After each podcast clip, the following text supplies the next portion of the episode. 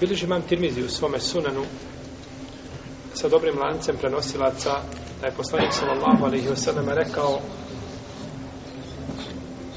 men asbaha aminan fi sirbihi muafen fi jesedihi jemliku kute jaumihi fakeennama hizet lehu ad dunja bihadafiriha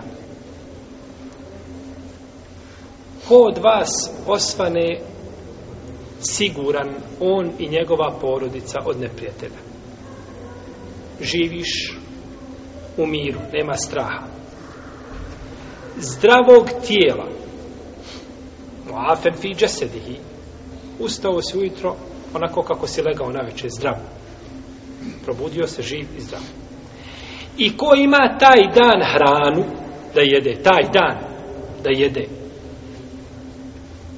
samo ima ručak i večeru. Kaže poslanik sallallahu alejhi kao da mu je neko došao sa dunjalukom i ovako ga stavio ispred njega i da je cijeli njegov. Znači nemaš vile i nemaš milione, dovoljno da si ustao miran i siguran od neprijatelja i da si ustao zdrav, nisi bolestan i da imaš taj dan šta da jedeš, ne da razmišljaš o sutra kaže kao da mu je neko dao cijeli dunjaluk. Svaki čovjek, braćo, pri sebi ima milione koji su utjelovljeni u njemu, pri njegovom tijelu. Milioni vrijednosti, milijarde vrijednosti. Ovdje se kaže kao dunjaluk. Kolika je vrijednost dunjaluka?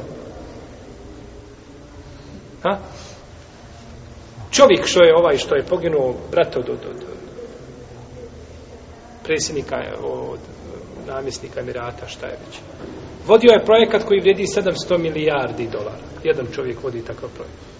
Što mislite koliko je milijardi na svijetu i u zemlji i na zemlji, kao da ti to sve neko dao ako, znači, ostaneš zdrav.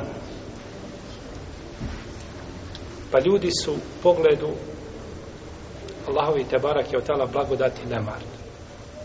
Žale se i smatraju da, da ih je uzvišeni Allah ponizio i da su, i da su.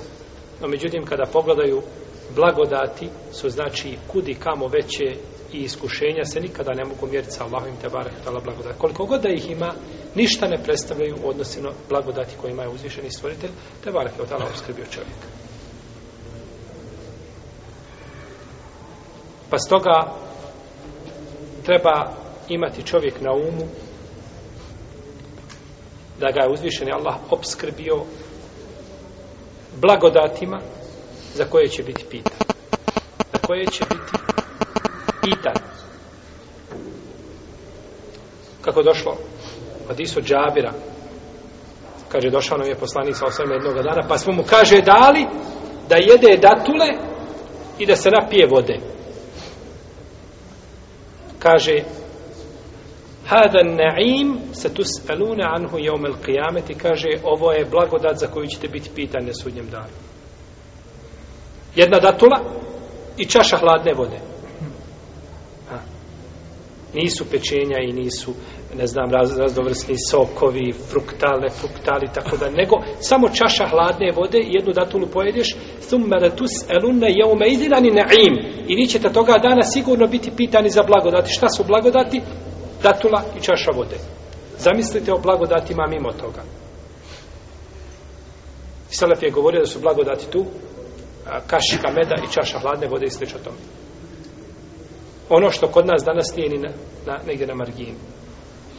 Pa neka je zahvala stvoritelju Tebarake Otala na njegovim neizmjenim blagodatima i molim ga za ođel da nam te blagodati ne uskrati ne na Dunjaluku niti na Ahiretu.